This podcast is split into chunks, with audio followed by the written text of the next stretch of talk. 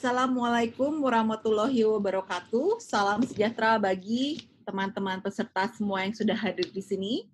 Bagi rekan-rekan Inovesia yang kami hormati, serta seluruh peserta dari berbagai profesi yang lain, selamat siang, maksud saya selamat pagi. Saya ucapkan untuk Bapak dan Ibu sekalian, serta untuk pembicara utama kita yaitu Bapak Dani Kosasi. Apa kabar teman-teman semua? Ya, besar harapan kami semua yang ada di ruang meeting Zoom webinar hari ini dalam keadaan sehat dan bersemangat. Selamat datang dalam webinar series Inovesia dengan topik Develop Your Idea yang akan membahas bagaimana menemukan ide baru dan mengembangkannya di tengah keterbatasan dan hambatan fisik atau sosial kita saat ini. Kita akan belajar tentang alat-alat atau tools pengembangan ide yang praktikal seperti pemetaan pikiran dan scamper yang dapat membantu merangsang otak kita untuk tetap berinovasi selama masa-masa yang penuh tantangan ini. Mungkin saya juga bisa bertanya kepada teman-teman siapa yang sudah pernah hadir di webinar series inovasi sebelumnya, mungkin bisa raise hand. Oke. Okay. Namun kami juga ingin menyapa media partner kami yaitu Kompas dengan alamat website di www.kompas.com atau sosial kompas.com dan mengundang teman-teman peserta sekalian untuk mengunjungi website tersebut untuk berbagai informasi terkini, termasuk liputan webinar kita hari ini. Perkenalkan, nama saya Dina Kosasi, saya adalah adik dari pembicara atau saya adalah Vice President of Open Innovation di Innovesia. Pada kesempatan ini, saya akan memoderasi sesi sharing dan diskusi kita hari ini. Narasumber kita hari ini, kalau bisa dilihat, beliau sudah menyalakan videonya ya. Nah, itu dia adalah seorang praktisi hukum, sorry, praktisi human centered design yang berpengalaman. Beliau juga merupakan praktisi agile dan ahli dalam pengembangan bisnis, strategi perusahaan, dan riset pelanggan. Mari kita semua sapa Bapak Dani Kosasi. Pak, mungkin silakan saya hai dulu Pak kepada para peserta. Selamat pagi semuanya, apa kabar? Semoga dalam keadaan sehat dan dalam keadaan sejahtera selalu. Ya, semoga Bapak juga dalam keadaan sehat walafiat dan produktif dalam kondisi saat ini ya, Pak. Amin. Nah, uh, saya akan membacakan syarat dan ketentuan untuk mengikuti webinar kita hari ini. Pertama-tama, untuk kepentingan dokumentasi, sesi webinar ini akan direkam oleh tim Inovesia yang sudah standby. Selama sesi, semua peserta akan di-set dalam mode tanpa video. Jadi, uh, gak usah hi dulu ya, gak akan dilihat. dan, uh, dan tanpa suara. Akses mikrofon hanya akan diberikan kepada peserta yang bertanya pada saat sesi tanya jawab berlangsung. Harap untuk tidak memposting atau menampilkan konten sensitif, negatif, atau tidak bermoral di bagian Q&A atau bagian diskusi selama sesi webinar berlangsung. Kami harap pertanyaan nanti yang diajukan berkaitan dengan topik yang dibawakan oleh narasumber pada hari ini. Tolong jangan tanyakan, Pak Dani hari ini makan apa ya, gitu. Terus kemudian, peserta dapat menuliskan pertanyaan di fitur Q&A yang tertera pada bagian bawah layar Zoom Anda. Mungkin Anda bisa cari, itu ada namanya fitur Q&A. Nanti kalau mau bertanya bisa di fitur tersebut. Nah, di uh, Zoom webinar ini pada dasarnya ada dua macam fitur. Pertama yaitu fitur chat. Fitur chat ini dipergunakan untuk komunikasi peserta kepada panelis dan seluruh peserta dan dari panelis ke seluruh peserta. Seperti kalau misalnya teman-teman mau say hi atau menyapa narasumber atau menyapa panelis gitu ya. Atau saya mau menyapa teman-teman, itu bisa di fitur chat. Kemudian ada juga fitur Q&A. Fitur Q&A bisa digunakan oleh peserta hanya untuk menuliskan pertanyaannya. Nah, agenda kita untuk webinar hari ini ya, yaitu pertama perkenalan yang sedang kita lakukan saat ini, kemudian presentasi utama oleh Bapak Dani Kosasi selama 45 menit, dilanjutkan dengan sesi tanya jawab selama 30 menit, dan kemudian penutup. Uh, kami juga ingin menginformasikan bahwa pada kesempatan kita yang baik ini, Innovesia mengundang Anda semua untuk ikut serta berdonasi, membantu tenaga medis dan mereka yang terkena dampak COVID-19 melalui Yayasan Kita Bisa.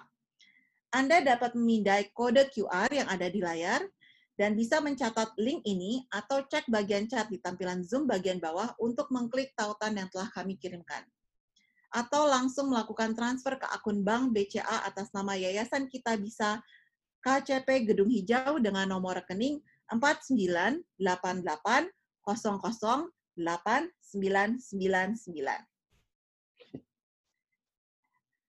Uh, perkenal, perkenankan saya melakukan perkenalan tentang Inovesia, di mana Inovesia adalah sebuah akselerator inovasi untuk startup, perusahaan, dan organisasi.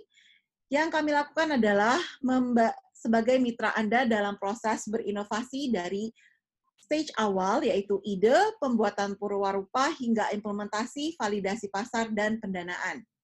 Innovesia telah membuktikan keahliannya dalam menerapkan berbagai metode agile seperti design thinking, human-centered design, design sprint, business model, Scrum, Lean Startup, Scamper, dan lain-lain. Uh, berikut adalah beberapa layanan Innovesia yang kami sediakan. Pertama yaitu workshop, di mana kami memfasilitasi organisasi untuk mengadopsi pola pikir inovasi yang tepat melalui pengembangan kapasitas atau sesi pelatihan. Kedua, consulting membantu organisasi mengembangkan strategi pelaksanaan dan implementasi untuk pengembangan bisnis model bisnis dan inovasi proses bisnis. Ketiga, open innovation membantu organisasi untuk mengidentifikasikan dan mencari ide-ide inovatif baru untuk produk dan bisnis dari dalam dan luar negeri organisasi dan dalam luar, luar organisasi. Keempat, yaitu incubation, membantu organisasi untuk menginkubasi ide-ide inovatif baru dalam dan di luar organisasi. Nah, berikut adalah daftar klien yang sudah kami layani semenjak kami didirikan tahun 2015. Klien kami telah meliputi berbagai industri bisnis, pemerintah, NGO, dan kami juga ikut membangun negeri ini dalam pengajaran kami di beberapa kampus terkemuka di Indonesia. Untuk mengikuti informasi kegiatan yang kami lakukan, Anda bisa mengikuti semua akun media sosial kami agar Anda senantiasa terupdate tentang kegiatan-kegiatan kami. Kami memiliki banyak program inovasi yang dapat diikuti, sangat berguna untuk bisnis dan organisasi teman-teman, mulai dari inovasi perusahaan, inovasi terbuka, dan inovasi sosial. Tambahkan pengalaman Anda dengan mengikuti program kami seperti co-creation, pelatihan, acara bincang-bincang, dan webinar yang bisa Anda akses dari rumah untuk meningkatkan kemampuan bisnis dan inisiatif Anda. Baiklah, kita akan memasuki sesi utama dari webinarnya ini, yaitu presentasi dari narasumber. Perkenalkan saya memper, membacakan profil dari narasumber kita pada hari ini, yaitu Dani Kosasi, yang saat ini menjabat sebagai co-founder, partner di Innovesia, memiliki pengalaman dalam konsultasi, perbankan, farmasi, dan IT. Ahli dalam pengembangan bisnis, strategi perusahaan, riset pelanggan, certified design thinking, dosen di Sekolah Bisnis Indonesia, wakil ketua komite tetap di Kadin atau Kamar Dagang Indonesia, Kemudian teman-teman peserta akan mengetahui ya, akan mendengarkan tips-tips apa saja yang akan beliau sampaikan ba tentang bagaimana menemukan ide baru dan mengembangkan dengan alat pengembangan Scamper di masa-masa yang penuh tantangan ini. Mari kita simak dalam sesi setelah ini. Nah, pada saat sesi presentasi narasumber nanti, teman-teman boleh mulai mengajukan pertanyaan di fitur Q&A. Ya. Nah, bagaimana cara mengajukan pertanyaannya? Teman-teman bisa mengikuti format berikut, yaitu nama, kemudian lembaga institusi perusahaan, jenis perusahaan, dan kemudian pertanyaannya. Contoh, namanya Fulan, institusinya PT Indonesia Merdeka, jenis perusahaannya yaitu jasa konsultan bisnis, pertanyaannya silakan dituliskan. Nanti uh, panitia akan memilih tiga pertanyaan untuk dijawab oleh narasumber pada sesi tanya jawab. Demikian kami sampaikan perkenalan dan pendahuluannya. Sekarang tiba saatnya tempat dan waktu untuk 45 menit ke depan saya persilakan untuk Bapak Denny Bapak Denny Kosasi mempersembahkan presentasinya. Oke, terima kasih Mbak Dina. Ini adik saya. Tadi hampir kebilang ya, kalau saya pakar apa, hook, dikira mau bilang pakar hukum. Aduh, saya masih kalah jauh dari Bang Hotman Paris gitu ya. Saya juga bukan pakar hukum gitu. Baik, uh, saya akan setting untuk sharing screen. Semoga sudah bisa terlihat semuanya. Saya coba tes dulu kepada teman-teman, apakah sudah bisa terlihat? Ya, jelas? Baik, saya masuk dalam mode slideshow. Baik, selamat pagi semuanya. Apa kabar? Semoga dalam keadaan sehat selalu. Perkenalan lagi, kalau tadi sudah banyak disebutkan, tapi saya sedikit menceritakan tentang diri saya. Um, sebenarnya saya awal karir itu bermula sebagai edukator, ya, pendidik sebagai asisten dosen dulu di tahun 2000. Saya mengajar marketing, strategic management, uh, consumer behavior, kemudian juga untuk um, feasibility study, business planning, dan macam-macam gitu ya di Fakultas Ekonomi Universitas Indonesia. Sekarang namanya FEB UI, tambahan lagi tam, di tengah-tengah itu ekonomi dan bisnis gitu. Jadi uh, sembari ngajar, kemudian juga menjadi dosen di beberapa sekolah bisnis teratas di Indonesia, uh, baik tetap maupun juga lepasan, ya. Dan itu saya senang sekali di dunia pendidikan. Ini adalah dunia yang saya sangat cintai gitu. Dan sekarang pun sekarang masih mengajar di berbagai sekolah bisnis, tapi lebih fokus kepada salah satu sekolah bisnis untuk program pendidikan untuk eksekutif, ya atau executive education. Nah, sembari mengajar, saya juga bekerja di berbagai macam perusahaan, terutama di multinational corporations, lebih banyak di bidang untuk pengembangan strategis, eh, kemudian business development, market research, data analytic, digital innovation, Uh, training juga pernah saya pegang, IT juga pernah saya pegang, kemudian um, di bidang yang sifatnya lebih kepada komersial, organization development. Jadi pokoknya apa pun yang bos saya presidir bilang, lakukan ya lakukan aja gitu ya, ikut aja. Nah, uh, peran yang baru sekarang baru-baru aja dalam waktu lima tahun terakhir ini mengembangkan bisnis sendiri bersama teman-teman itu untuk jasa konsultasi inovasi dan juga manajemen namanya Innovasia. Kemudian juga punya butik restoran kecil-kecilan bersama dengan istri saya dan juga ada satu sekolah yang kami dirikan, sekolah Montessori, namanya Sekolah Montessori Taman Tumbuh. Jadi itu gado-gadonya saya. Jadi kalau dijabarkan dalam tiga hal, inilah saya seperti itu.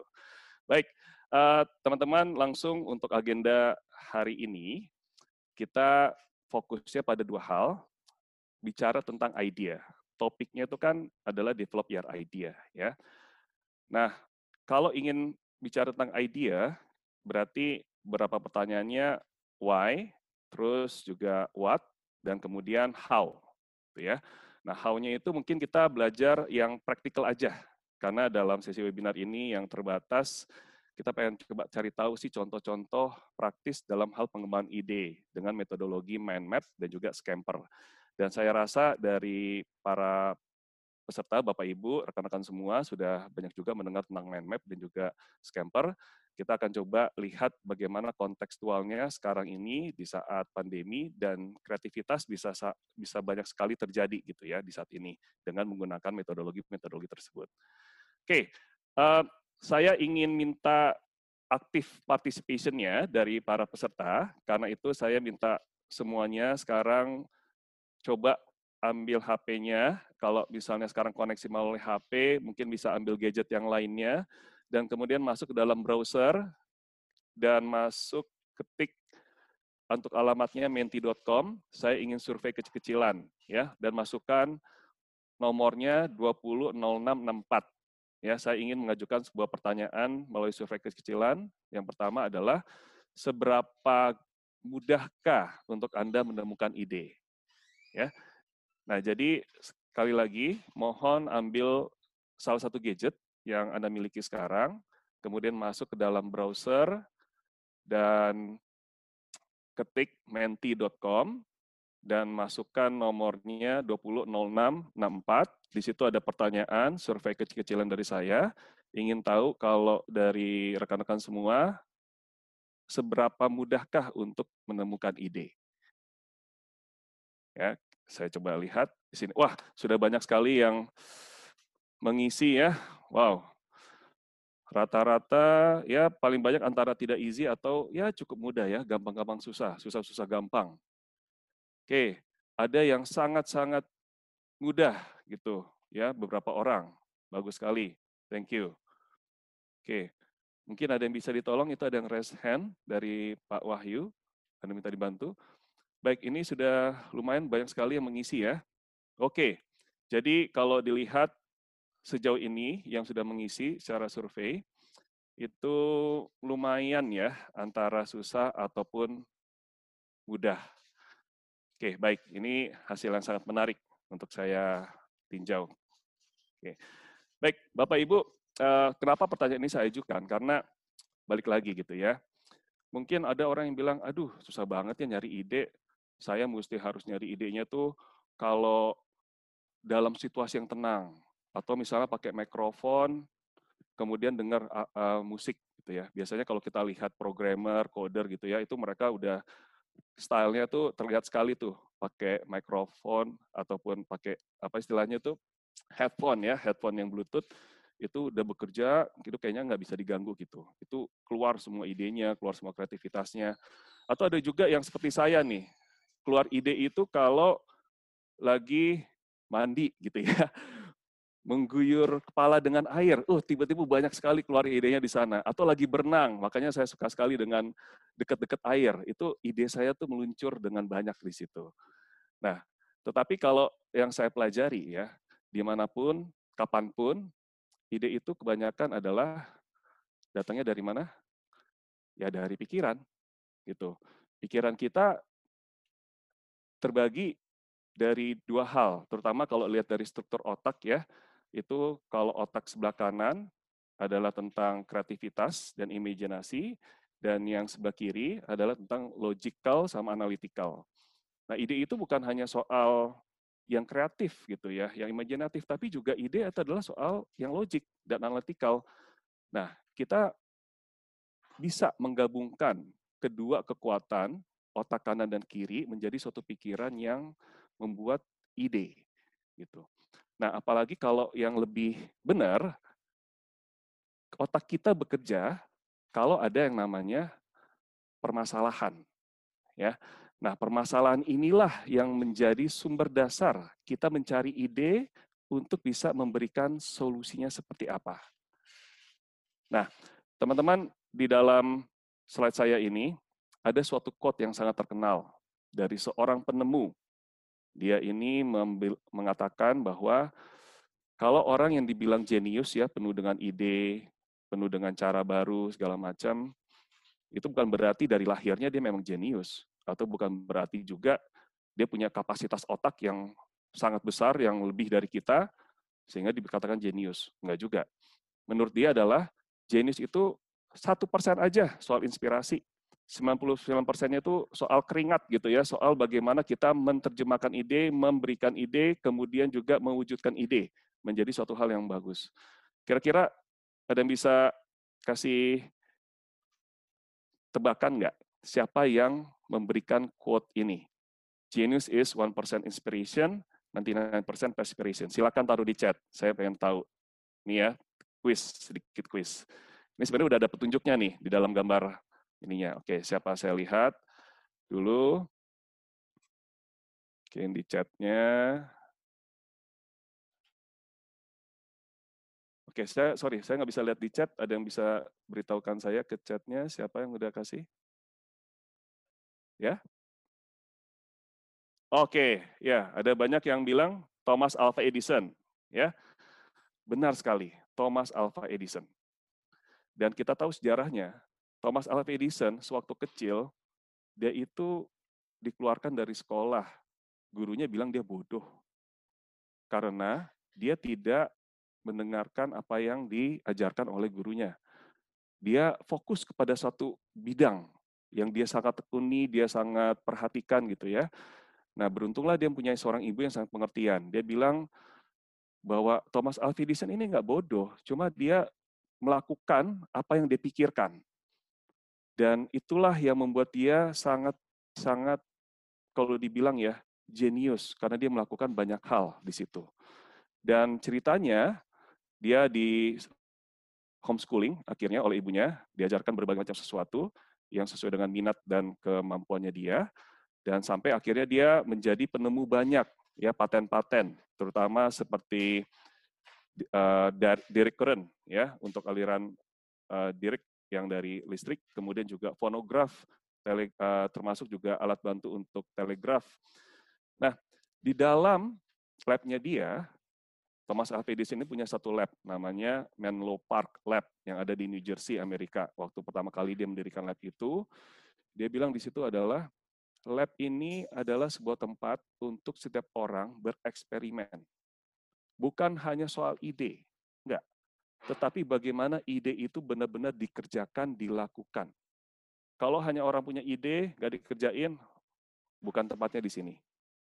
Ya karena itu banyak pertanyaan nih selama ini kalau saya bertemu dengan para entrepreneur, startup founder, kemudian juga para eksekutif, sering tanya, kira-kira ide apa yang bagus ya buat bisnis saya?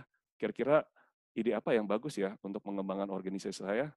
Saya bilang, Pak, Mas, Mbak, Bu, ide yang bagus itu adalah ide yang dikerjakan. Itu sih. Jadi bukan suatu hal yang membuat kita pikir bahwa ide itu harus berbeda gitu ya, harus origin. Gak ada yang orang mikirin, wah nggak bisa. Gak ada ide origin, adanya ide yang belum tereksekusi, adanya ide yang belum kita lakukan gitu.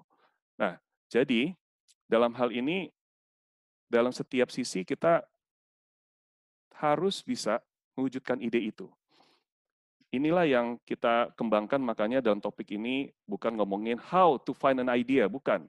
Tetapi develop your idea. Jadi saya rasa teman-teman sendiri sudah punya ide, tapi bagaimana caranya mewujudkan.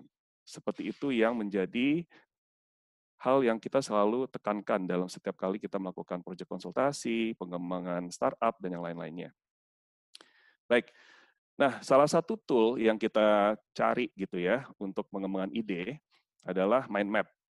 Nah, kalau banyak teman-teman mungkin sudah belajar tentang mind map ya, ini ide dasarnya adalah dari satu topik ya, itu kita kembangkan menjadi beberapa ide dan dari sub idea tadi kita kembangkan lagi menjadi beberapa ide.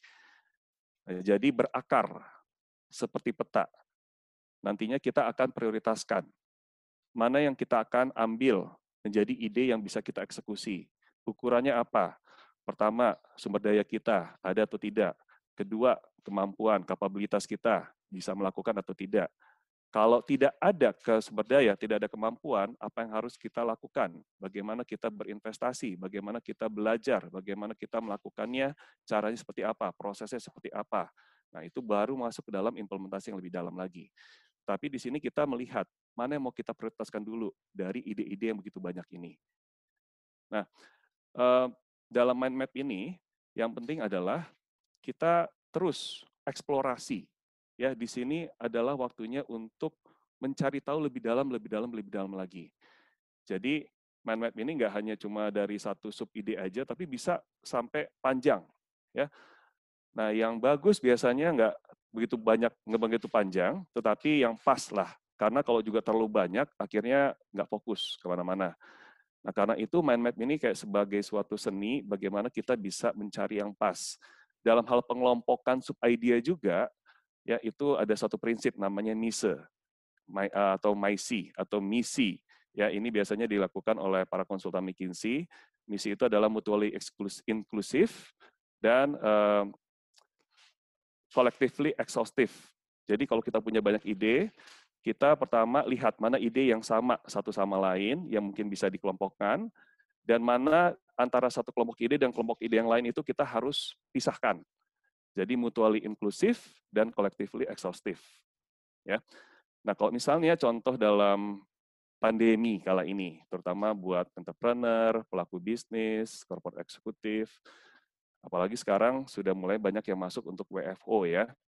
Jadi prosesnya itu banyak yang berubah untuk bisa membuat kita aman dan juga tetap sehat sekaligus juga produktif. Nah, misalnya dalam hal ini kita lihat berapa pelompokan ide, bagaimana nanti dengan mental karyawan, bagaimana nanti dengan lokasinya, proses kerjanya seperti apa, sumber daya apa yang kita butuhkan, peralatan apa nanti untuk bisa membantu produktivitas. Nah, ini mungkin kita bisa kembangkan lebih jauh. Ini adalah contoh kecil dari apa yang saya bikin, saya, bu saya buat. Tetapi kalau teman-teman mau bikin yang lain, yang lebih banyak, silahkan monggo. Nah, dari sini kita kefokuskan satu. Kita mau lewat location dulu, yang lebih penting, ya bagaimana di dalam satu perusahaan atau tempat kerja, itu sebuah tempat lokasi aman, terjamin, dan mengikuti prosedur kesehatan, dan juga tetap bisa produktif, walaupun ada rekan lain yang tidak WFO, masih WFH, itu masih bisa berkomunikasi melalui uh, gadget secara virtual, dan yang lainnya. Nah, ini kita menentukan yang di mana. ya. Nah, jadi mind map ini bukan hanya mencari ide, tapi kita di sini mencari masalah. Ya benar, kita kita suka sekali mencari masalah ya, tapi bukan dalam arti negatif. Kita mencari masalah itu adalah benar-benar memahami, mendefinisikan dulu masalahnya ada di mana dan memprioritaskan masalah mana yang mau kita ambil dan kita fokuskan. Ini adalah suatu cara berpikir atau thinking process. Kalau tidak ada ini, itu akan tercermin dalam perilaku kita, semuanya itu serba tidak fokus atau tidak produktif. Jadinya seperti itu. Oke, Uh, kalau kita sudah menemukan masalahnya ada di mana, nah bagaimana kita mengembangkan idenya nih? Ada suatu metodologi namanya Scamper. Ini adalah singkatan dari S C A M P E R ya. Nanti akan saya jelaskan masing-masing dari uh, singkatannya itu apa saja setiap huruf. Nah ini uh, banyak sekali yang mungkin sudah pernah dengar atau kenal dan sudah tahu gitu ya, kalau di Google ini banyak sekali contoh-contohnya. Jadi saya akan coba jelaskan dan kalaupun ada yang belum tahu, nanti akan saya kasih contohnya seperti apa. Oke, kita mulai dari yang pertama adalah S dari Scamper, yaitu substitute. Ya. Nah, substitute ini adalah bagaimana kalau kita mengembangkan ide itu kita mewujudkannya dalam suatu proses bisnis, ada satu bagian yang kita bisa ganti dengan bahan lain ataupun dengan proses yang lain. Contohnya, nah ini, dulu ingat nggak waktu pertama kali kita masuk dalam masa pandemi, di awal-awal bulan Maret, ya terjadi kelangkaan face mask, ya terutama untuk yang grade-nya itu untuk kesehatan ya. Nah itu susah sekali nyari di mana-mana di toko apotek kita jarang sekali bisa menemukan ataupun kalau menemukan harganya itu sudah mahal sekali gitu ya. Nah, kemudian muncul banyak kreativitas. Sebenarnya apa sih yang bisa diganti dari situ? Tujuannya kan adalah untuk menutupi muka atau saluran pernafasan supaya kita tetap aman, tidak menghirup adanya penularan virus dan segala macam. Nah, bisa nggak diganti bahannya dengan bahan yang lain seperti bahan kain? Ya, akhirnya muncul sekarang gitu ya dan banyak sekali variasinya. Sekarang sudah ditambahin lah dengan logo ataupun gambar dalam face mask itu dengan menggunakan bahan kain. Nah, ini kreativitas yang muncul dan juga ide yang gampang untuk bisa menggantikan bahan yang sebenarnya tuh bisa dipakai juga untuk memenuhi tujuan yang kita inginkan. Nah, scamper yang kedua adalah C. C itu adalah apa? Combine. Nah, combine ini kita coba cari beberapa benda yang bisa kita gabungkan, walaupun kedua benda tersebut tidak saling berkaitan gitu ya. Nah ini contohnya seperti ini nih, buat para vlogger, buat para webinar speaker gitu ya kalau misal saya tapi sekarang saya nggak pakai ini gitu ataupun Instagram ya selebgram yang lainnya sekarang sudah mulai memakai namanya uh, bukan tongsis lagi ya udah tongsis ditambah lagi di bawahnya ada monopod yang kuat dan ditambah di situ ada satu LED light, ya lampu LED yang lingkaran yang bisa memberikan efek cahaya yang bagus kalau misalnya lagi mengadakan live Instagram atau live di Facebook atau live juga di webinar dan yang lainnya. Itu. Nah ini eh, baru-baru uh, muncul sih kalau saya lihat ya apalagi sekarang di salah satu e-commerce besar itu udah banyak yang menjual hal ini. Ini menggabungkan tiga hal malahan. Satu, tongsis. Tongsis itu terdiri dari dua bagian, ya kan? uh, phone holder, kemudian juga monopod. Nah, ini tambah lagi dengan LED light. Nah, ini bisa memberikan efek yang luar biasa untuk para selebgram bisa tampil secara live, mereka tampil dengan PD. Nah, yang scamper ketiga adalah A. A itu adalah adapt. Ya, di sini kita coba lihat ada nggak sih ada proses produk atau service uh, kalau kita ambil dari tempat lain atau dari suatu hal yang berbeda, kita masukkan ke dalam proses bisnis yang kita miliki sekarang, itu justru menambah nilai yang lebih bagus gitu ya. Nah ini contohnya seperti apa? Salah satu brand ya ini uh, untuk skincare, dia sebelumnya memang lebih fokus tadi saya bilang di kategori skincare, Nah, ketika masa pandemi ini dia punya nih resources untuk membangun sebuah brand ya dengan tujuan agar memberikan uh, sanitizer ya untuk untuk namanya tuh apa me, untuk untuk bakteri mengenyahkan bakteri dan juga virus dan lainnya itu dengan uh, liquid hand sanitizer. Nah, ini uh, proses adaptasi yang cepat sekali karena dalam unsur produksi dan juga unsur bahan material itu bisa langsung dilakukan dan dia punya kapasitasnya dan dia langsungkan ini value-nya saat ini sangat relevan dan juga sangat kuat dan malah banyak yang dicari. Scamper yang keempat adalah modify atau magnify. Nah, bagaimana caranya nih kita bisa melihat keseluruhan proses dan kita zoom in, kita lihat itu satu hal yang bisa kita perkuat gitu ya, dan kita bisa perbesar, kita baguskan. Nah, contohnya adalah ini. Banyak sekali sekarang dari bisnis-bisnis yang pivot dari mereka yang sebelumnya di bidang hospitality, hotel, ataupun juga uh, penyewaan ruangan untuk penginapan, um, mereka melihat bahwa di situ ada proses yang sebenarnya mereka bisa juga tujukan untuk para pengguna yang ingin isolasi mandiri. Nah, mereka punya prosesnya di sana. Mereka punya ke kemampuan untuk membuat suatu hal yang lebih sanitize, ya, yang lebih terjaga, aman untuk kesehatan, dan mereka punya ruangannya dan terus mereka masukkan di sana. Ini adalah prosesnya dan hospitality-nya ada juga di dalam mereka. Jadi mereka bisa meladeni dengan baik, dan paketnya ini pun bisa diberikan dalam waktu periode selama misalnya sebulan atau tiga bulan dan lainnya. Dan di satu sisi, salah satu desainer terkenal untuk baju baju-baju pernikahan gitu ya, Bu Ana Avanti. Nah, di situ dia melihat proses yang dimiliki itu adalah desain, ya kan? Desain dan juga uh, internal resources-nya, sumber internalnya adalah para penjahitnya, juga para desainernya yang lainnya. Nah, kalau sebelumnya dia banyak memproduksi untuk baju pernikahan yang bagus, dia punya kekuatan untuk juga bisa membuat namanya alat proteksi dini yang bagus juga gitu. Apalagi sekarang untuk pernikahan ya banyak yang tidak uh, banyak yang batal ya karena masa pandemi ini tidak memungkinkan. Nah, jadi untuk bertahan dan juga untuk mencari ide baru, apa yang bisa dilakukan. Nah, di awal-awalnya juga Bu Ana Avanti banyak melakukan ini untuk kegiatan sosial, ya. Nah, ini sangat bagus sekali. Bagaimana kita bisa memodifikasi, membesar proses yang kita punya kekuatan di sana, dan kita sekarang uh, perkuat lagi dengan ide yang baru di tengah-tengah krisis seperti ini.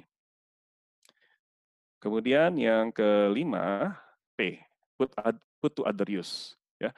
Nah, kira-kira ada nggak suatu benda atau alat atau juga eh, bagian dari proses yang kita miliki itu kita pakai untuk hal yang lain gitu. Nah, ini contohnya mohon jangan ketawa ya kalau ngelihatin aduh, aduh sorry sorry. Nah, ini kalau misalnya lihat di sebelah kiri itu ada seperti gambar kecil. Itu sebenarnya ada kayak semacam kayak satu karton. Kartonnya itu warna hijau dan kartu warna hijau itu saya gantung di sebuah tiang, tiang untuk gantungan baju, dan itu saya pakai untuk di belakang saya, jadi kayak semacam green screen.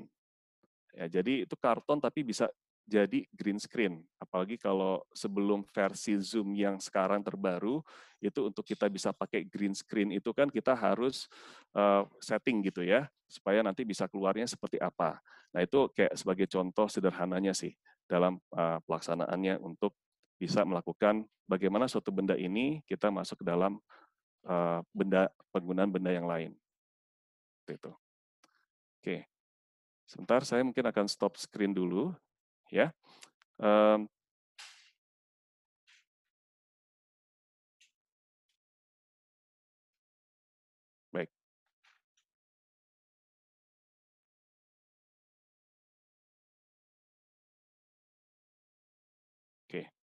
Ya, mohon maaf atas kekurangan secara teknisnya. Sekarang saya akan coba lagi masuk ke dalam ini. Semoga bisa lihat ya. Oke, yang berikutnya, oke gambarnya keluar, baik ya. Nah ini yang keenam, uh, eliminate ya. Jadi bagaimana kita melihat proses suatu hal, apakah itu bisa kita kurangi nggak atau kita kenyahkan, kita tidak perlukan lagi. Ya seperti contohnya sekarang kopi-kopi kekinian. Kalau dilihat namanya toko-toko kopi ya atau kopi shop itu kan kayaknya tempat yang asik buat nongkrong, di mana orang lihat orang. Ya, apalagi kalau bisa berada dalam toko kopi shop tersebut, wah kayaknya keren banget gitu. Tapi toko, kopi kekinian nih bahkan sebelum pandemi ya, mereka sudah merubah prosesnya, tidak memerlukan space yang besar, tidak memerlukan tempat yang begitu wow. Yang penting adalah grab and go aja. Jadi macam kayak beli, datang, tinggal di depan kiosnya, kemudian ambil, dah selesai. Kita bisa minum mau di mana pun ya nggak harus di tempatnya mereka di kondisi yang mereka seperti itu nah jadi ini hal yang nggak perlu harus punya proses yang begitu banyak untuk pelayanan di dalam tokonya, kemudian di tempat mejanya dan segala macam itu bisa dihilangkan. Nah sebenarnya untuk contoh yang lain kalau di air, air uh, di airways gitu ya di dalam uh, perusahaan penerbangan itu seperti Air Asia. Misalnya Air Asia itu tidak lagi memerlukan adanya mereka memberikan tempat yang begitu bagus, ada monitor buat TV segala macam, tapi itu value-nya yang besar adalah low cost atau uh, low cost carrier ya untuk budget uh, untuk budget flight uh, travel. Jadi mereka benar-benar yang menekankan bahwa yang penting adalah harganya murah. Dan bahkan kalau misalnya sekarang yang kopi kekinian, dengan mereka mengurangi ininya, salah satu kopi kekinian, merek terkenal, itu mendapatkan pendanaan yang luar biasa akhir-akhir ini. Ya, semakin relevan lagi sekarang dengan begitu banyaknya orang yang mudah untuk memesannya melalui satu aplikasi pengiriman. Dan salah satu kopi kekinian yang tadi saya bilang itu banyak, udah baru mendapatkan pendanaan yang luar biasa besar sekitar 2 triliun kalau tidak salah. Dan P yang ke terakhir, yang ketujuh, itu adalah Nah ini, mohon jangan ketawa ya, ini kalau lihat gambar ini adalah reverse atau rearrange. Ya. Nah jadi uh, ada nggak benda-benda di barang sekitar kita yang kita bisa rubah supaya kita bisa mendapatkan manfaat yang lebih.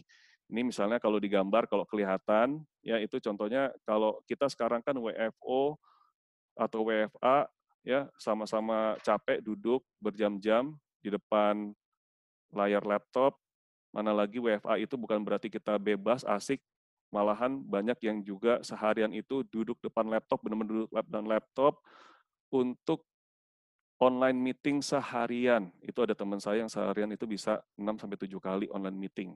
Ya, itu benar-benar seharian itu depan laptop. Malah WFH buat dia tuh lebih capek dibandingkan WFO gitu ya.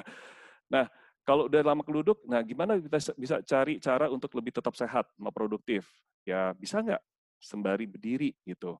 Nah, jadi kalau di kantor ya, ini di kantor saya, itu saya cari satu alat yang bisa saya taruh laptopnya lebih tinggi, kemudian cari tempatnya yang bisa menopang untuk uh, keyboardnya, dan juga bisa membuat saya tuh lebih enak gitu untuk bekerja lebih lama ya. Dan ini pun bisa dikombinasikan bisa dikombinasikan bisa duduk atau bisa bisa berdiri dan segala macam ya. Nah itu semua adalah eh, hal-hal yang mungkin dari rekan-rekan semua bisa lakukan jadi dari sisi uh, substitute ya combine adapt atau modify atau modify kemudian juga to other use tambah lagi dengan eliminate dan yang lainnya adalah yang terakhir ini reverse atau rearrange gitu.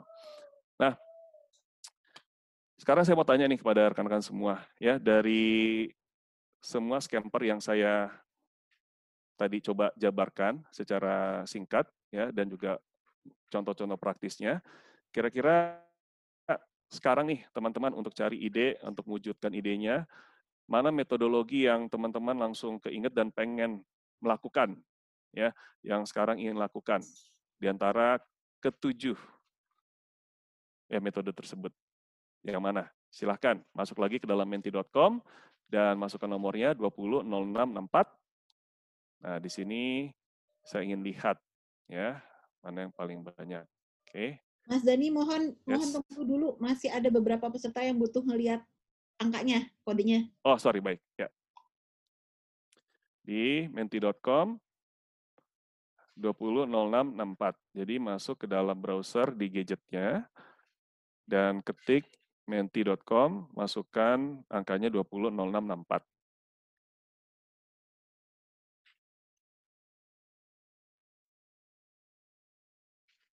Oke, mungkin angkanya masih sama ya, 2606 dan 64.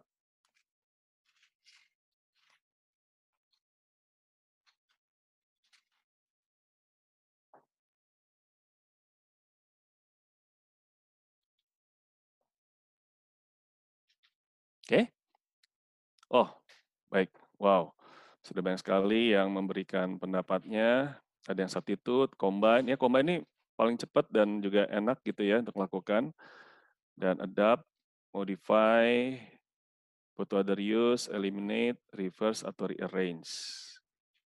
Oke, baik sekali. Oh, paling banyak combine ya. Ya, ini saya cerita ya tentang Tongsis. Tongsis itu sendiri di tahun 2014 masuk majalah Time sebagai salah satu produk inovasi ya di tahun itu. Jadi 25 uh, eh, most innovative product menurut majalah Time di tahun 2014. Dan Tongsis ini itu ditemukan atau juga diciptakan oleh salah satu orang Indonesia ya, uh, Mas Baba Raffi itu dia anggota salah satu komunitas handphone ya yang penggemar handphone gitu. Nah, terus dia juga suka fotografi. Pada suatu waktu dia mencoba untuk menggabungkan phone holder dan juga monopod sehingga menjadi tongsis gitu dan ini menjadi viral di mana-mana. Jadi tongsis itu asalnya dari Indonesia dan itu menjadi salah satu top 25 inovatif produk di tahun 2014 oleh majalah Time. Dan tongsis itu adalah penggabungan dari dua hal, satu phone holder dan satu lagi monopod. Ya. Nah, masalah yang waktu dihadapi oleh penemunya adalah gimana ya caranya saya untuk bisa dapetin angle saya yang bagus, ya, tapi panjangnya itu lewat dari tang uh, jangkauan tangan saya, itu. Nah, jadi dia menggabungkan antara dua hal itu dengan panjangnya monopod, kemudian juga dengan phone holder yang bisa menggait dan menaruh handphonenya di sana, dia bisa mendapatkan angle yang bagus. Teman-temannya yang ketika melihat foto-foto hasil dari tongsis pertama kali itu ngeliatin, lah ini siapa yang fotoin kok bisa ya fotonya seperti itu. Nah ini akhirnya jadi viral. Nah itu salah satu aplikasi dari Combine yang yang memang banyak sekali sih ya kalau saya lihat di sini favorit teman-teman tuh lihat adalah Combine. Oke, berikutnya ya. Jadi balik lagi uh, Bapak Ibu, Mas-mas dan Mbak-mbak bahwa kalau kita ngomongin tentang ide, itu bukan soal idenya saja, adalah bagaimana kita bisa mewujudkan ide tersebut. Ya, it's not about ideas, it's about making ideas happen. Dan kami selalu bilang bahwa tidak ada ide yang jelek, tidak ada ide yang buruk. Dan kami juga percaya bahwa ide itu nggak ada yang original. Tidak ada orang yang benar-benar mikirin ide itu berbeda banget dari ide yang lainnya. Hanya dia sendiri yang punya ide yang satu itu. Ya, enggak semua semua ini di dalam dunia ini adalah originalitas itu milik Tuhan, Sang Pencipta. Kita ini hanya mengembangkan, ya, memodify, substitute dan segala macam dengan sekian tadi itu. Jadi kalau kita punya ide, jangan khawatir kalau ide kita dianggap jelek ataupun ide itu buruk. Gak ada seperti itu, ide yang jelek atau buruk. Yang ada adalah ide yang belum dieksekusi. Yang membedakan kita dengan yang lain adalah seberapa cepat, seberapa baikkah kita dalam mengeksekusi ide. Jadi itu dari saya, dan kalau ingin tahu tentang lebih banyak, ya bisa nanti hubungi Innovesia ataupun melalui website uh, blog kami di designthinking.id. Jadi demikian, Bu Dina, terima kasih atas waktunya. Semoga ya. bermanfaat dan mohon maaf bila ada kesalahan ataupun kekurangan, ada juga kesalahan teknis tadi. Dan terima kasih. Oke, terima kasih Mas Dani Kosasi untuk sharingnya ya. Tapi uh, sesi kita masih belum berakhir ya, masih ada sesi tanya jawab. Nah, silakan teman-teman yang mau mengajukan pertanyaan bisa mengikuti format yang ada, yaitu menuliskan nama, kemudian institusi, jenis institusi atau perusahaan, dan pertanyaannya. Ya, uh, di sini sudah ada beberapa pertanyaan. Saya akan membacakan pertanyaan pertama dulu dari Mas Wan Razak dari Lintas Arta, sebuah perusahaan informasi dan komunikasi teknologi. Uh, pertanyaan beliau adalah, dalam proses pengembangan produk baru, bagaimana cara meminimalisir resiko kegagalan sedini mungkin tanpa perlu melakukan riset pasar yang membutuhkan investasi biaya dan waktu. Nah, Mas, gimana nih, Mas? kan uh, mungkin uh, idenya banyak, tapi ide mana nih yang harus dikembangkan sebagai produk baru? Kalau riset pasar pasti lama dan juga membutuhkan biaya. Ya. Silakan ya. dijawab dengan Mas Dani. Oke, baik. Apakah suara saya kedengaran? Ya, oh, sebentar. Okay. Saya akan uh, sebentar. Saya akan meng-unmute dulu Mas Wan Razak. Sebentar ya, Mas. Okay. Nanti Mas bisa berkomunikasi dengan Mas Dani. Silakan Mas.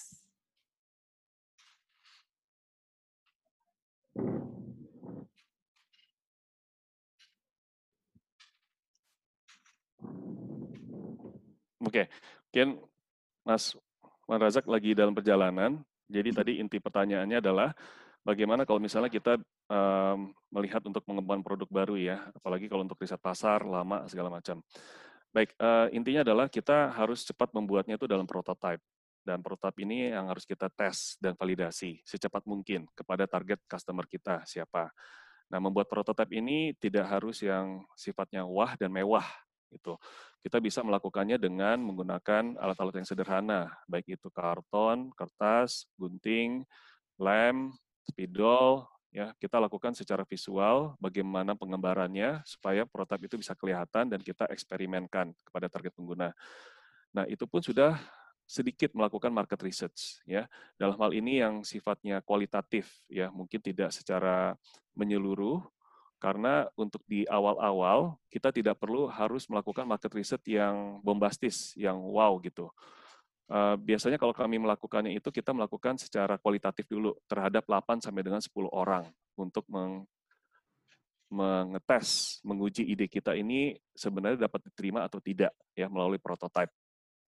Nanti kalau kita sudah jadi barangnya, ya sudah mendapatkan uh, hasil feedback dan juga dia sudah ditingkatkan dan kita mau luncurkan ke pasar, baru kita melakukan market research ya yang proper yang benar-benar bisa menunjukkan seberapa besar tingkat penerimaan, ditambah juga sizingnya untuk market research-nya. Jadi kalau di awal, kita lakukan aja langsung dengan prototype, dan dengan 8-10 orang juga cukup. Nah kalau teman-teman baca bukunya Sprint, ya yang ditulis oleh uh, Google, ya terutama Google Venture, di situ ada salah satu bagian yang menunjukkan bahwa kalau kita mau tes dari prototype kita, 8 10 orang itu udah cukup kok.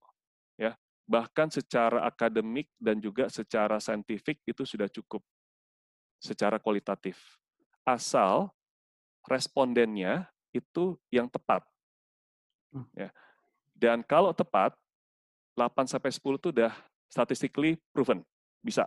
Ya, itu itu ada jurnalnya. Ya, itu udah ada jurnalnya, udah ada hasil risetnya tentang pengambilan sampel size yang 8 sampai 10 untuk pengujian prototipe di tingkat awal.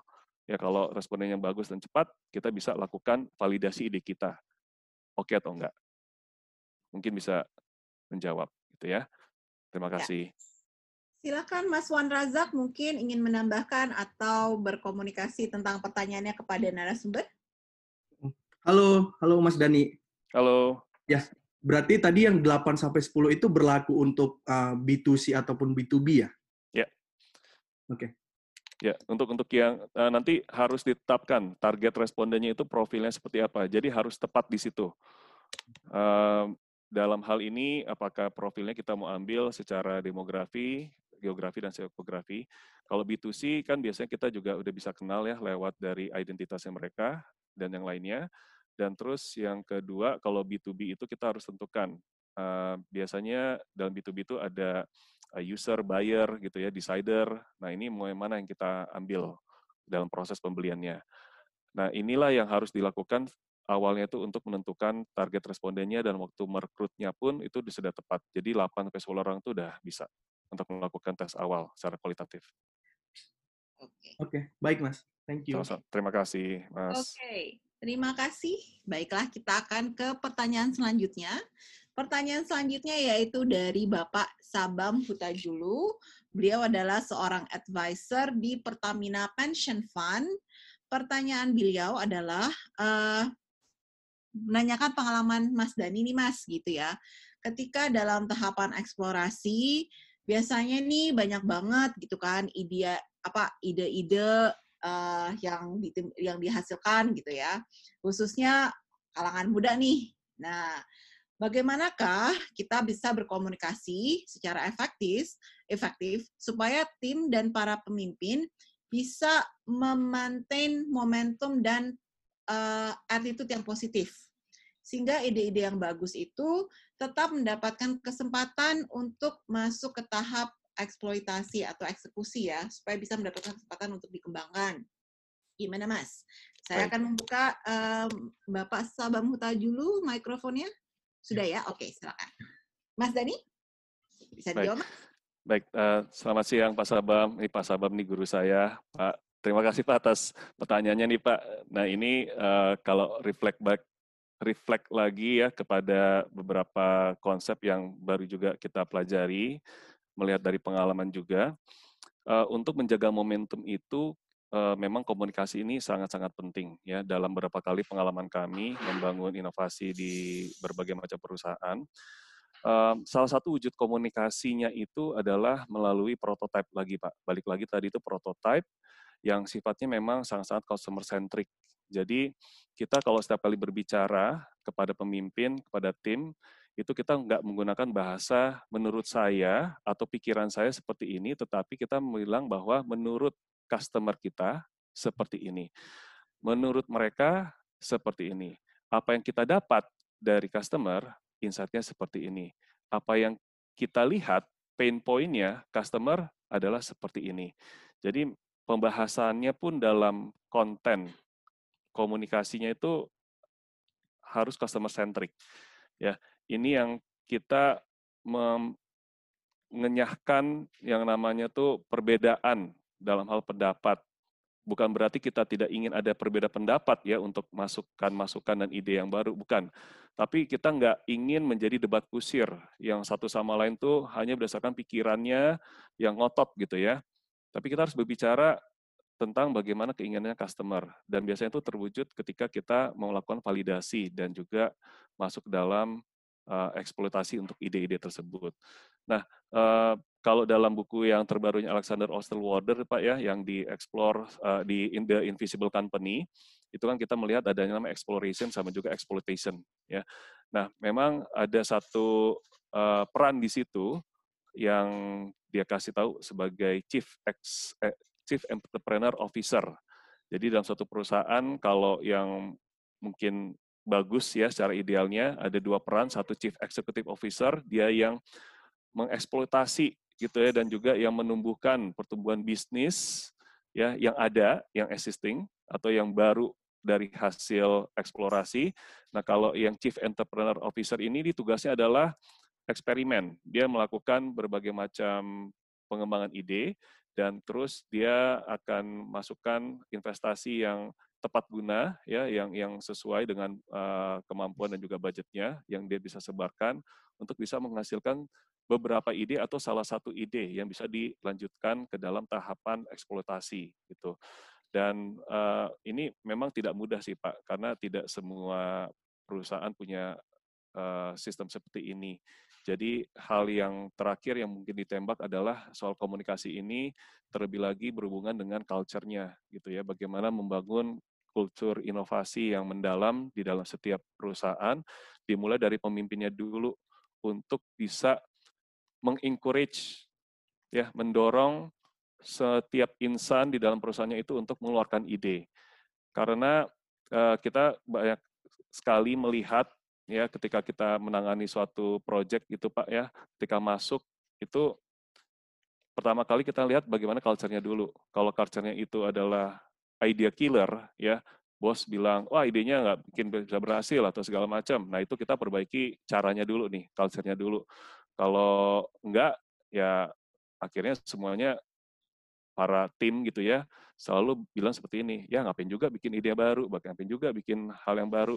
Belum apa-apa udah dibilang jelek belum apa-apa udah dibilang eh, nggak uh, akan nggak akan jalan lah. Ini kita udah pernah bikin apa segala macam nah itulah yang kita rubah dulu nih secara mindset secara culture ya mungkin agak kemanjangan Pak ini untuk menjawabnya tapi uh, semoga berkenan juga. Uh, mohon kalau Pak Sabam ada yang mau bantu untuk tambahkan juga silakan Pak.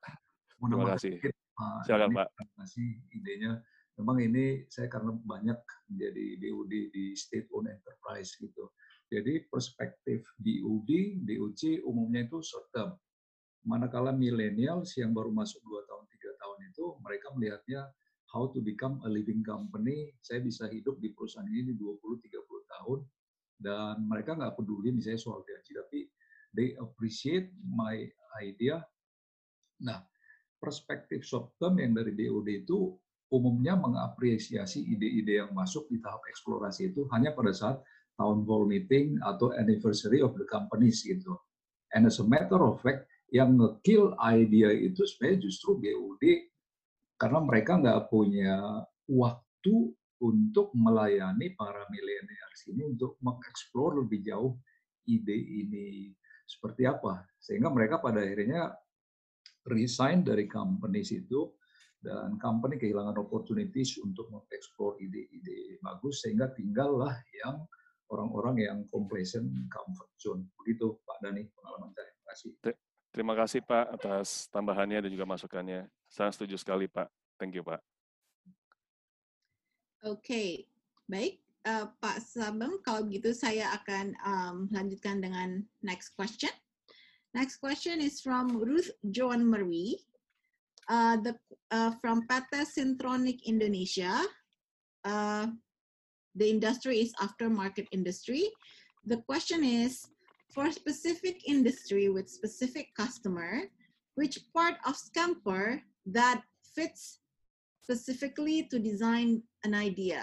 Nah, so please, Mas Dani.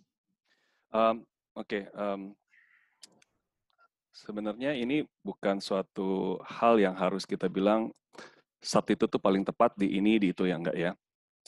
It comes back to the the, the problem ya, the problem definition that we want to solve.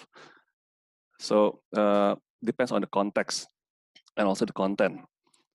So let's say that you have uh, a problem uh, within an industry uh, let's say, facing a challenge in this turbulence time, how to cope with the new competition coming out from nowhere, and they offer uh, low, lower prices, a price from your services. Jadi, uh, let's scrutinize, yeah, our internal process. Uh, can we substitute something with more affordable? Or can we combine uh, our resources to provide a better value so we won't compete with the new entrants who offer lower prices? So we don't pick the competition to compete with them. And others like like um, how do we can also eliminate uh, insignificant process in ourselves so we can provide a better value and we can also increase our margin ya. So uh, uh, in this case uh, I cannot tell you which one is the fittest yeah it will depend on the context content situation and condition. So uh, it might be not uh, the, the the same case for one industry to one another industry. So hopefully, this is something that we can discuss all together. And yeah, um, I'm, I'm sorry, maybe I, I I cannot answer your question directly uh, on this time. Okay. Yes. So Ruth Joan Marie, do you want to respond to the to the answer? Okay, uh, let me explain.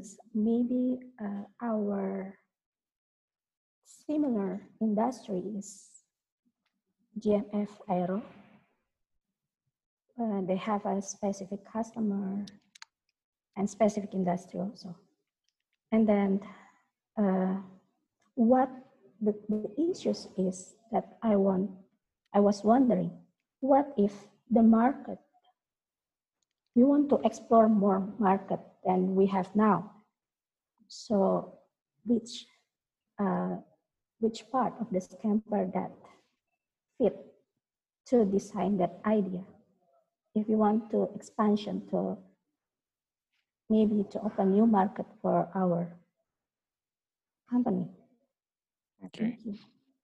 Thank you. Thank you. Thank you, Barut. So I think that's that's a very challenging question that will need um, specific and more information about the situation and condition, uh, especially in the GMF aero industry, which which I know the, um, now is impacted by the current pandemic and all the restriction also. Uh, but maybe you can try to explore.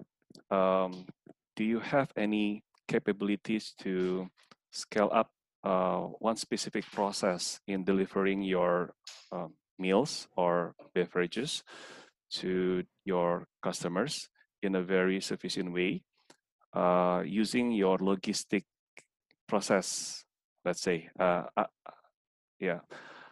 I'm imagining it uh, because i'm not too familiar with the industry.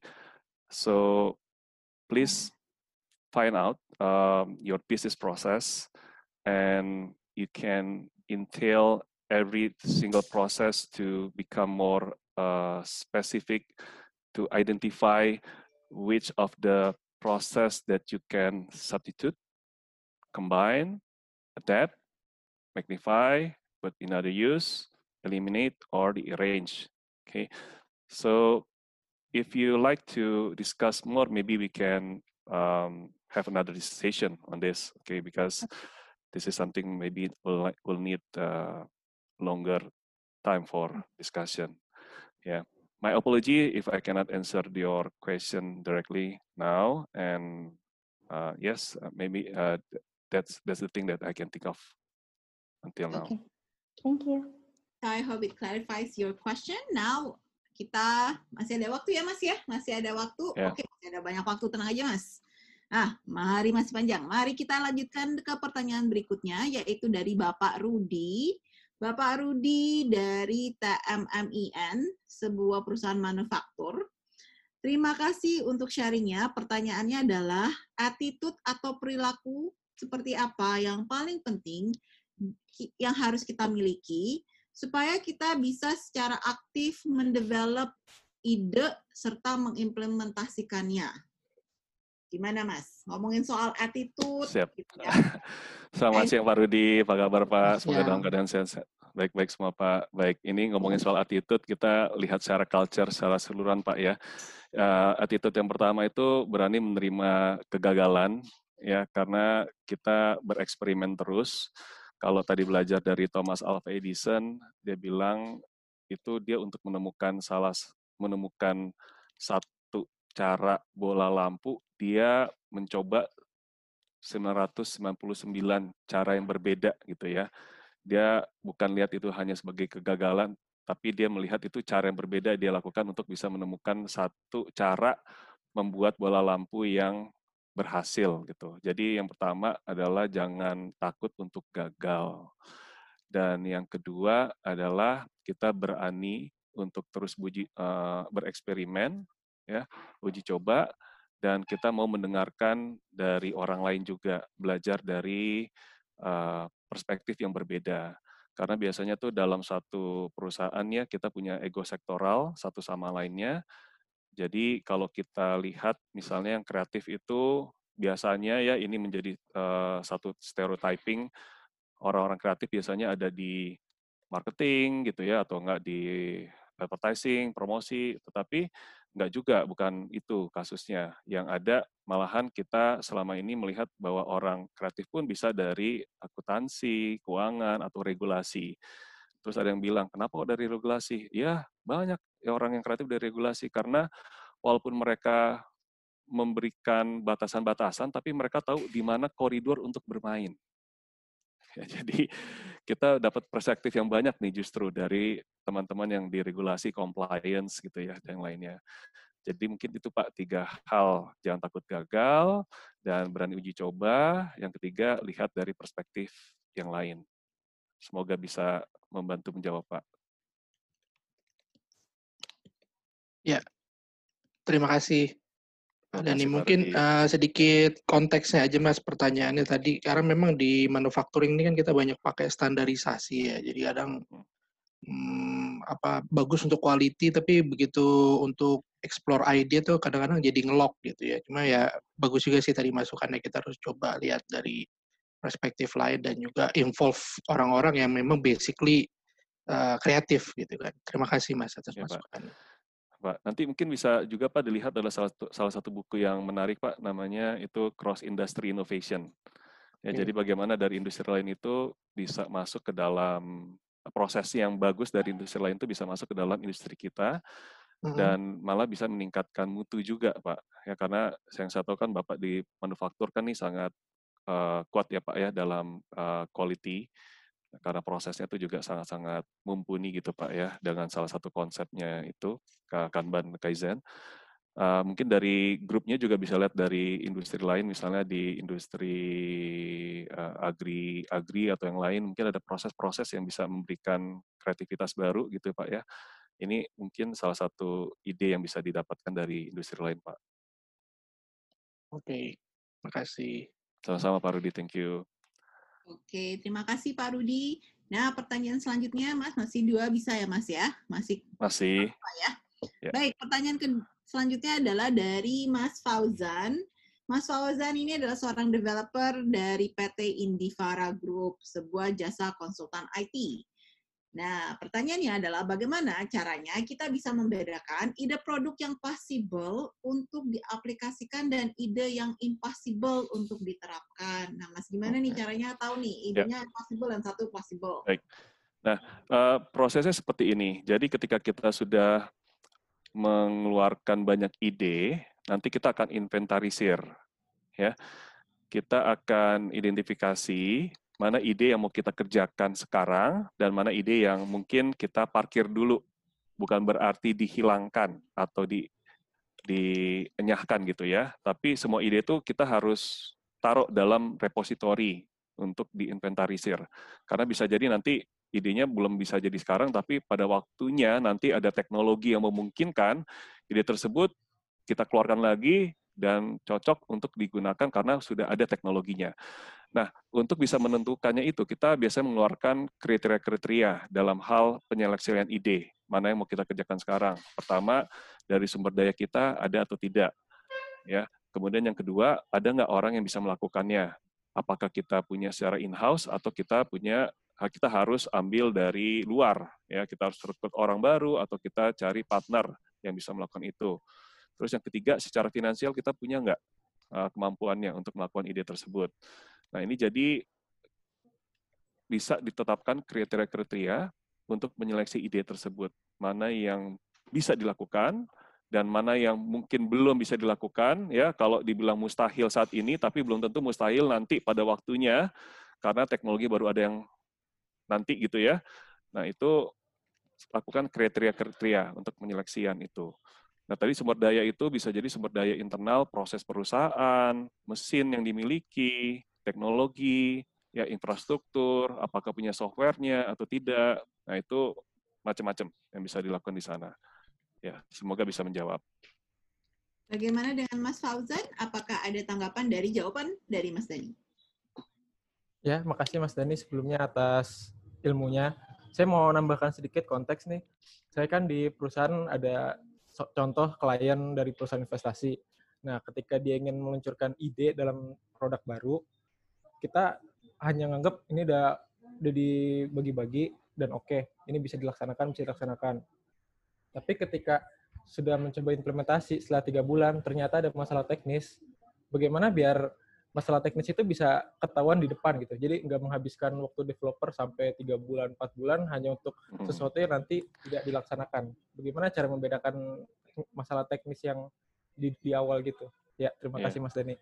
Thank you. Nah ini balik lagi sih ke prototyping ya Mas. Uh, kalau kalau dalam hal ini kan kita dengan para developer tuh biasanya kan kita banyak maunya ya kita ketika dikasih terus ternyata wah ini nggak bisa gitu baru tahu terakhir nih setelah proses cycle-nya tuh udah menuju ke terakhir-terakhir gitu wah harus beli ini investasi ini man hour-nya tambah lagi segala macam Nah, itu kita uh, lakukan sedini mungkin dengan prototyping di awal sih. Nah, itu ada prosesnya untuk bagaimana menentukan budgeting dan juga manpower yang diperlukan ketika suatu prototype itu sudah ditetapkan. Nah, ini satu proses yang nanti kita namakan sebagai uh, identification-nya nih untuk requirement yang dibutuhkan untuk bisa mewujudkan prototype ini ataupun produk yang dilakukan. Nah, memang uh, tidak semuanya ideal ya berjalan dengan lancar sampai suatu waktu semuanya tuh ada dan tiba-tiba nih ya eh, kejadian gitu ya kejadian. Wah ternyata softwarenya kita udah jadul atau enggak ternyata ini butuh requirement yang baru.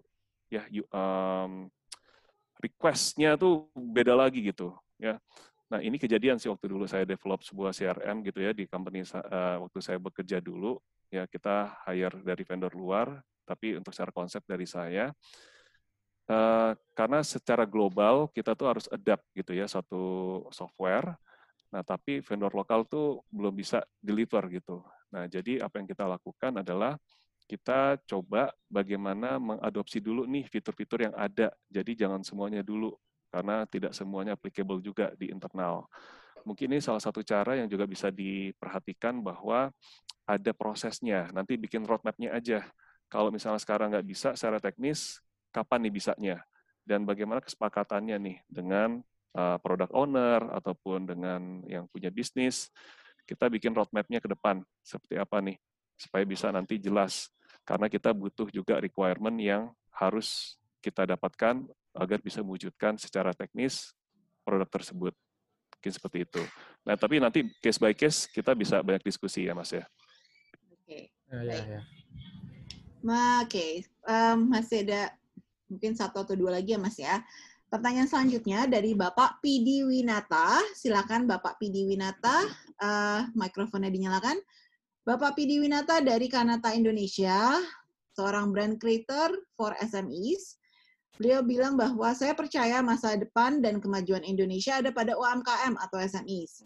Nah, sejauh apakah Scamper bisa jadi bagian integral dari proses pengembangan UMKM. Nah, gimana Mas? Pro, UMKM yep. sekarang kan pada kreatif ya Mas ya?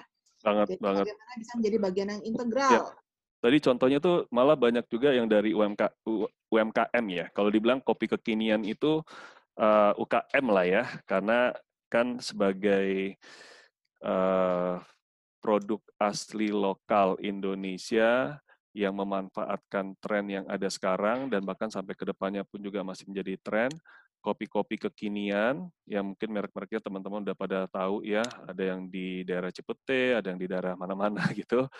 Itu uh, banyak melakukan scamper ini gitu ya mereka nggak harus melakukan hal yang wah dan mewah untuk bisa bersaing dengan merek global toko sebuah toko kopi ya tapi dengan cara yang lebih efisien hmm. daripada bikin tempatnya ada buat nongkrong apa segala macam ya mendingan kita fokus dalam pembuatan kopinya aja yang enak dan bisa grab and go ataupun melalui delivery segala macam dan juga mungkin tadi dari salah satu contohnya kalau dibilang salah satu desainer Indonesia juga saya mungkin lihat skalanya gak masih UKM ya itu bisa mengadapt gitu ya dengan situasi terkini bagaimana uh, prosesnya itu bisa diwujudkan untuk membantu keperluan ya untuk alat proteksi dini dan yang lainnya.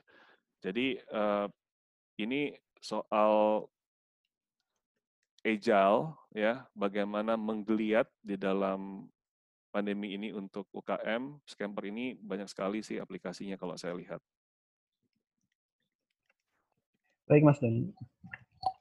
Ya, terima kasih Mas. Ya Mas, nah gitu ya Mas. Ya. Jadi banyak sekali nih brand brand kopi yang ada sekarang udah menerapkan Scamper ya. Nah, satu lagi ya Mas ya, masih bisa satu lagi yaitu berkaitan dengan dari Bapak Anom Susilo. Bapak Anom Susilo ini tidak ada organisasinya. Beliau bertanya berkaitan dengan innovation strategy, uh, core, adjacent transfer. Apakah metode scamper hanya berkaitan dengan ranah core dan adjacent atau bisa masuk juga ke inovasi yang transformasional? Oke. Okay. Baik, kalau dalam strategi itu kan ada yang deliberate strategi, ada yang intended strategi, dan juga ada yang sifatnya uh, tambahan gitu ya, enhancement dari uh, awal kita. Nah, uh, scamper ini biasanya di ranah taktikal sih, kalau kita lihat. Nah, sorry, saya, saya, saya ulangi, saya, saya revisi. Uh, dalam ranah yang strategis dan taktikal ini bisa masuk gitu. Terutama ketika kita melihat secara keseluruhan uh, bagaimana analisa lingkungan ya, internal eksternal. Di situ kita menekankan pada uh, kemampuan kita secara SWOT ya, strength, weakness dan opportunities dan threat. Nah, itu kita lihat secara strategik posisi kita di mana, semampu apa kita untuk menjalankan strategi kita. Kita lakukan juga dengan menimbang-nimbang misalnya tadi apakah ada hal yang disubstitute, apakah ada hal yang di-eliminate, apakah ada hal yang harus di-rearrange segala macam. Nah, kalau boleh dikaitkan ya, scamper ini juga ada mirip-miripnya dengan blue ocean strategi. Ya, ada empat kanvas itu dan salah satunya adalah tentang reduce, eliminate, ataupun juga ada yang lainnya gitu ya, saya lupa lagi gitu. Nah itulah yang dibilang bahwa secara strategi kita bisa masuk dalam blue ocean kalau kita bisa lebih uh, melihat peluang ya melalui eliminasi ataupun melalui kombinasi dan yang lainnya.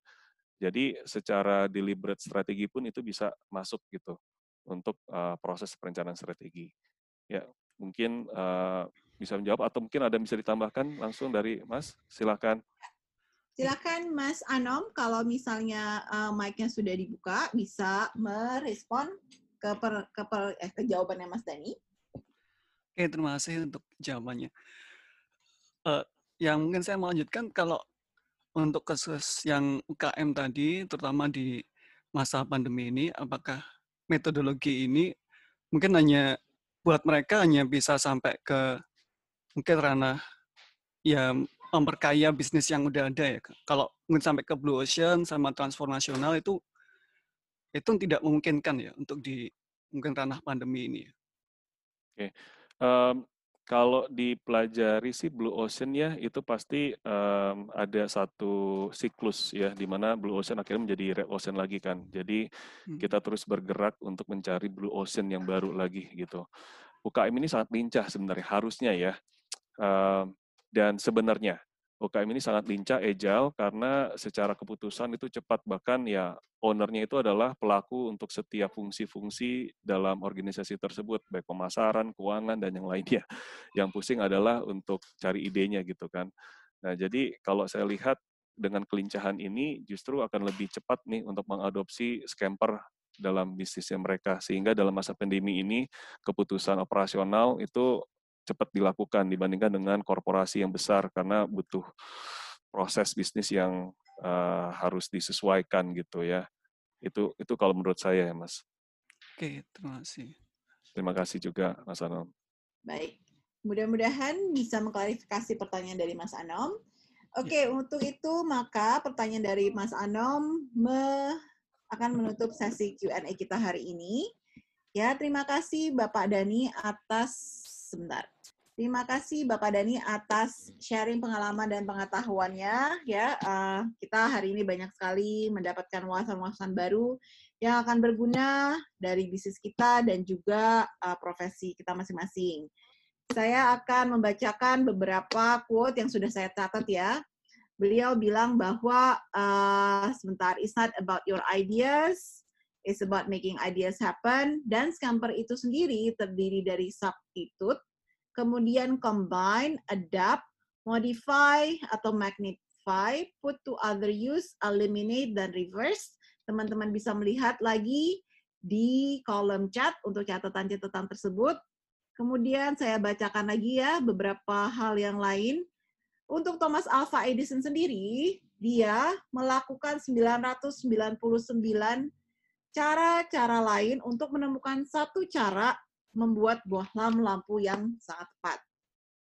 Sementara dari pertanyaan-pertanyaan para teman-teman peserta, uh, pertanyaannya itu meliput bagaimanakah meminimalisir resiko kegagalan tanpa perlu melakukan riset pasar. Mas Dani bilang bahwa, oh, ide tersebut harus dibikin dulu prototipenya, kemudian dites ke targeted customer atau user, dan harus menetapkan profil atau responden yang jelas.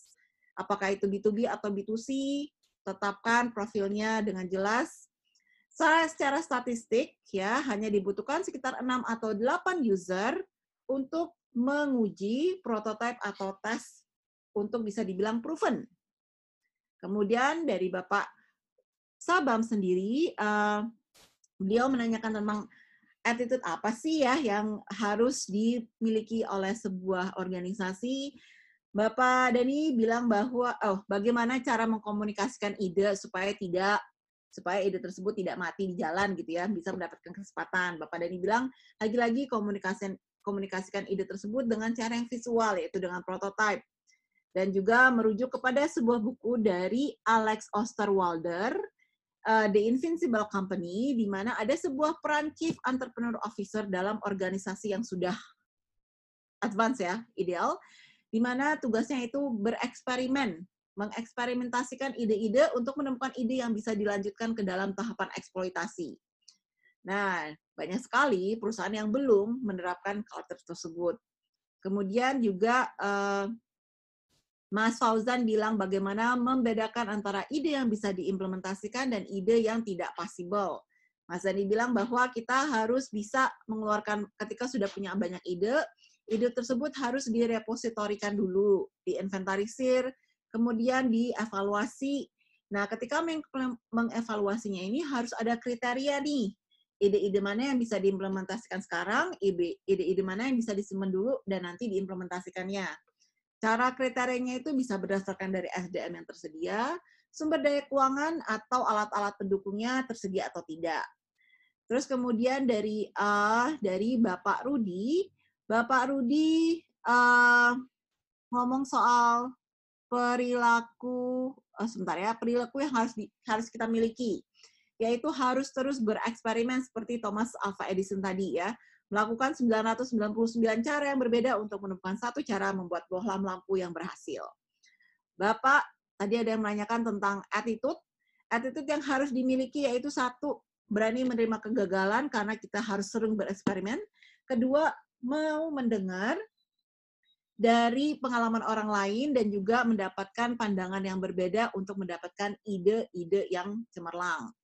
Kalau dari Bapak Pidi Winata, beliau ngomong soal bagaimana ini bisa diintegrasikan dengan pengembangan UKM. Uh, jawabannya adalah banyak sekali sekarang brand-brand kopi yang termasuk dalam UKM ini sudah menerapkan scamper. Kenapa? Karena UMKM ini sangat agile ya, sangat agile sehingga mereka bisa mengeksplorasi banyak ide dengan sangat cepat dan juga mengimplementasikannya. Oke, okay? uh,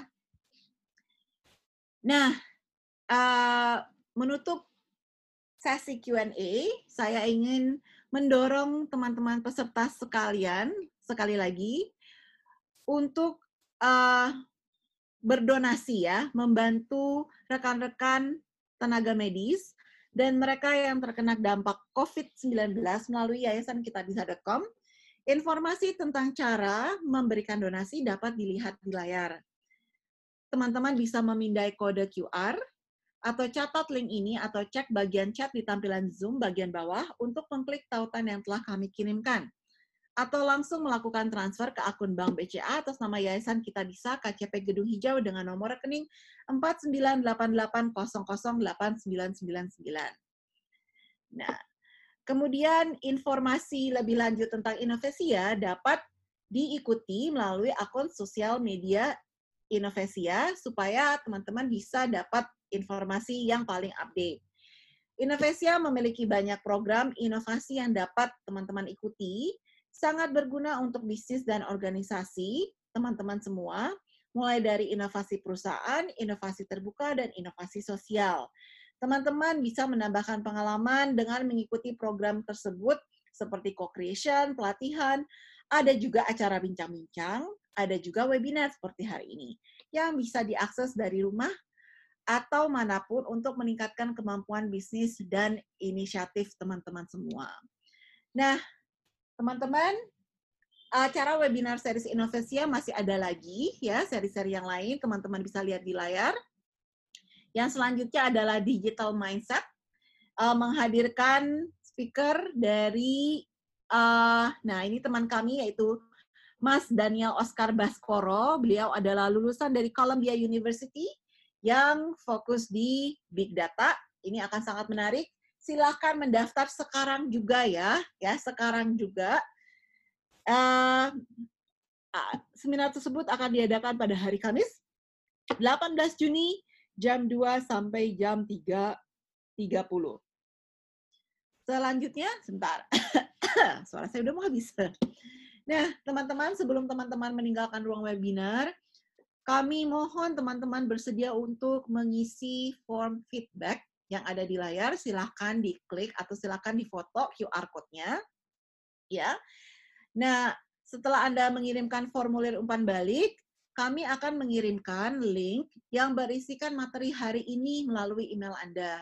Jadi kalau teman-teman mau rekaman hari ini atau mau uh, materi presentasi dari Mas Dani hari ini, silakan mengisi dulu form feedback ya. Nah, sebagai bagian dari penutup, saya mengucapkan terima kasih, oh maaf, kami mengucapkan terima kasih kepada kompas.com yaitu media partner Innovesia Webinar Series. Dan juga terima kasih kepada semua peserta yang telah menghadiri webinar ini. Kami berharap dapat melihat Anda semua di webinar berikutnya. Semoga kita semua dilimpahi keberkahan dan kesehatan. Selamat melanjutkan aktivitas Anda dengan semangat tinggi. Untuk mendapatkan info lebih banyak tentang kegiatan webinar series dari Innovesia, teman-teman bisa menghubungi Rahma pada nomor atau email yang ada di layar berikut ini.